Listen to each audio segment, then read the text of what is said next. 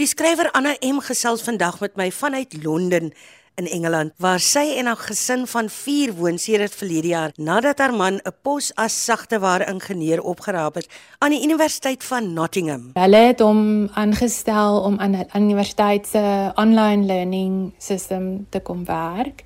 En omdat dit wat hulle noem 'n remote pos is, kon hy van die huis af werk. So hy dis nie nodig om in Nottingham self te woon nie, maar hulle het vir ons die sponsorship gegee wat vir ons gesin die 5 jaar visums gegee het om in die UK te kom bly. So ek weet nie of almal dit weet nie, maar ek het mos in Suid-Afrika die kinderstorie uitgewery gehad waar ek vir 15 jaar lank Afrikaanse kinderstories op CD opgeneem en vrygestel het. Ehm um, oor die 3000 kinderstories wat ons gedoen het deur die maatskappy en stories wat ek meestal meeste van self geskryf het. Ek het die maatskappy toegemaak, maar al daardie stories is digitaal beskikbaar op my podcast. Ek is baie baie baie dankbaar vir al die ondersteuning en liefde wat ek nog steeds in Suid-Afrika het. Baie gelukkig het ek nie nodig het om op die oomblik nou 'n werk te gaan soek dringend nie dit sal seker een of ander tyd met die koste van alles hier by daai punt uitkom maar op die oomblik het ek 'n bietjie tyd om aan my skryfwerk te werk verder te groei en verder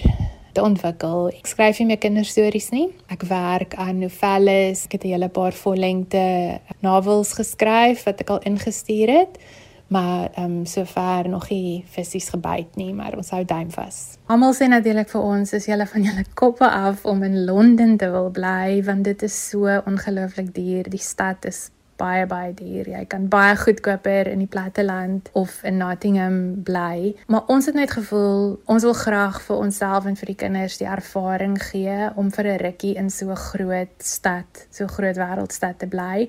Vir ons is dit die voorreg om in die stad te wees maak dat ons bereid is weer om om ander goederes prys te gee. So ons leef baie eenvoudig op die oomblik en ons geniet net die stad en vir my as skrywer is dit natuurlik 'n ongelooflike plek om te wees. Londen is die mekka van letterkunde en boeke en stories. Ek praat nie eers van die reusagtige boekwinkels en en ehm um, die ooraanbod van boeke en stories en teater en goeters nie, maar net om hier te kan loop en te dink, "So loop jy nou waar Agatha Christie geloop het of ek was byvoorbeeld nou reg in Charles Dickens se huis gewees waar hy Oliver Twist geskryf het." En as skrywer vir my om in daai plekke te kan wees en al gaan staan jy net daar daar's 'n standbeeld van Oscar Wilde in die stad. Ek kan baie keer en ek kry vir my 'n takeaway koffie en gaan sit ek by Oscar. Gesels ek bietjie met hom. So baie baie dankbaar daarvoor. Vir Anna en haar gesin was dit nie juis 'n aanpassing om hul voete te vind daar deur in die verte nie. Trouwens, hulle kan oral met gemak aanpas, vertel sy. Ons gesin, al vier van ons was eintlik nog altyd mense wat hou van verandering. Ons hou van avontuur. Ons is nuuskierig oor nuwe goeders. Ons raak baie gou verveeld op op dieselfde plek en ons gee nie om vir die wil ek sê die ongerief van 'n nuwe uitdaging net om net ewe skielik uit jou bekende gemaklike platgetrapte paadjies uit weggevat te word na 'n plek waar jy nog nooit was nie. Jy weet nie hoe enigiets werk nie, jy weet nie waar om te gaan vir enigiets nie. Dit is ongemaklik en ek dink vir baie mense is, is dit 'n baie groot aanpassing, maar omdat ons gesin Ek en my man is albei so en die kinders ook. Ons is mense wat hou van van daai ontwrigting. Ons hou van onsself in 'n nuwe situasie sit. So vir ons was dit eintlik spannend, maar eintlik baie gemaklik. Is nie iets wat teen ons grein ingegaan het nie en dit was 'n geleentheid wat al vier van ons in minder en meer mate omhels het, aangegryp het.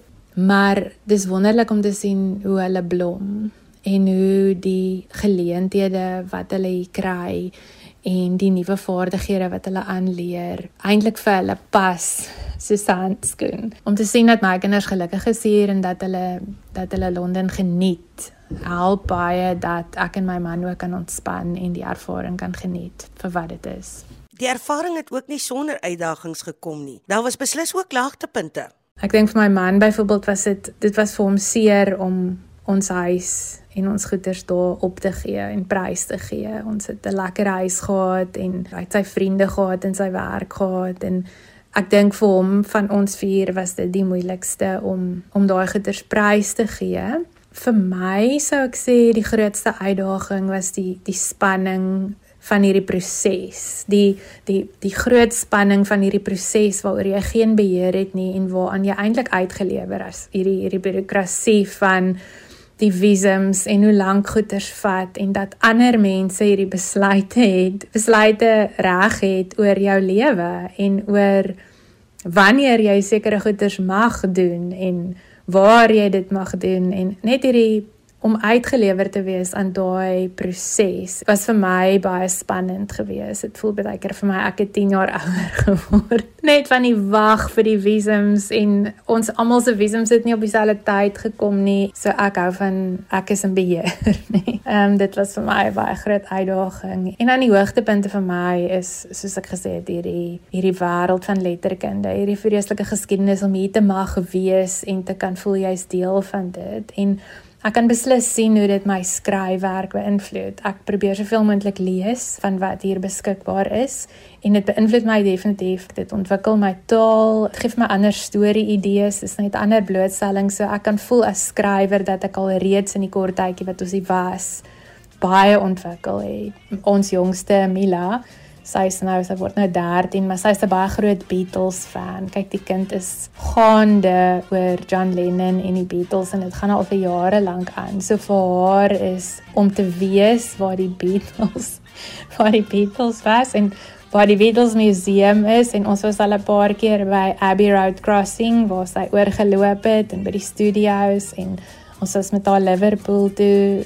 Vir haar is dit definitief die hoogtepunt en ons moes toe ons hier aangekom het vir um John Lennon life size I kid you not cardboard cut out gekry het vir haar kamer. So almal wat hier opgaan met die trap skrik hulle boeglam vir John Lennon wat life size die in in Mila se kamer staan.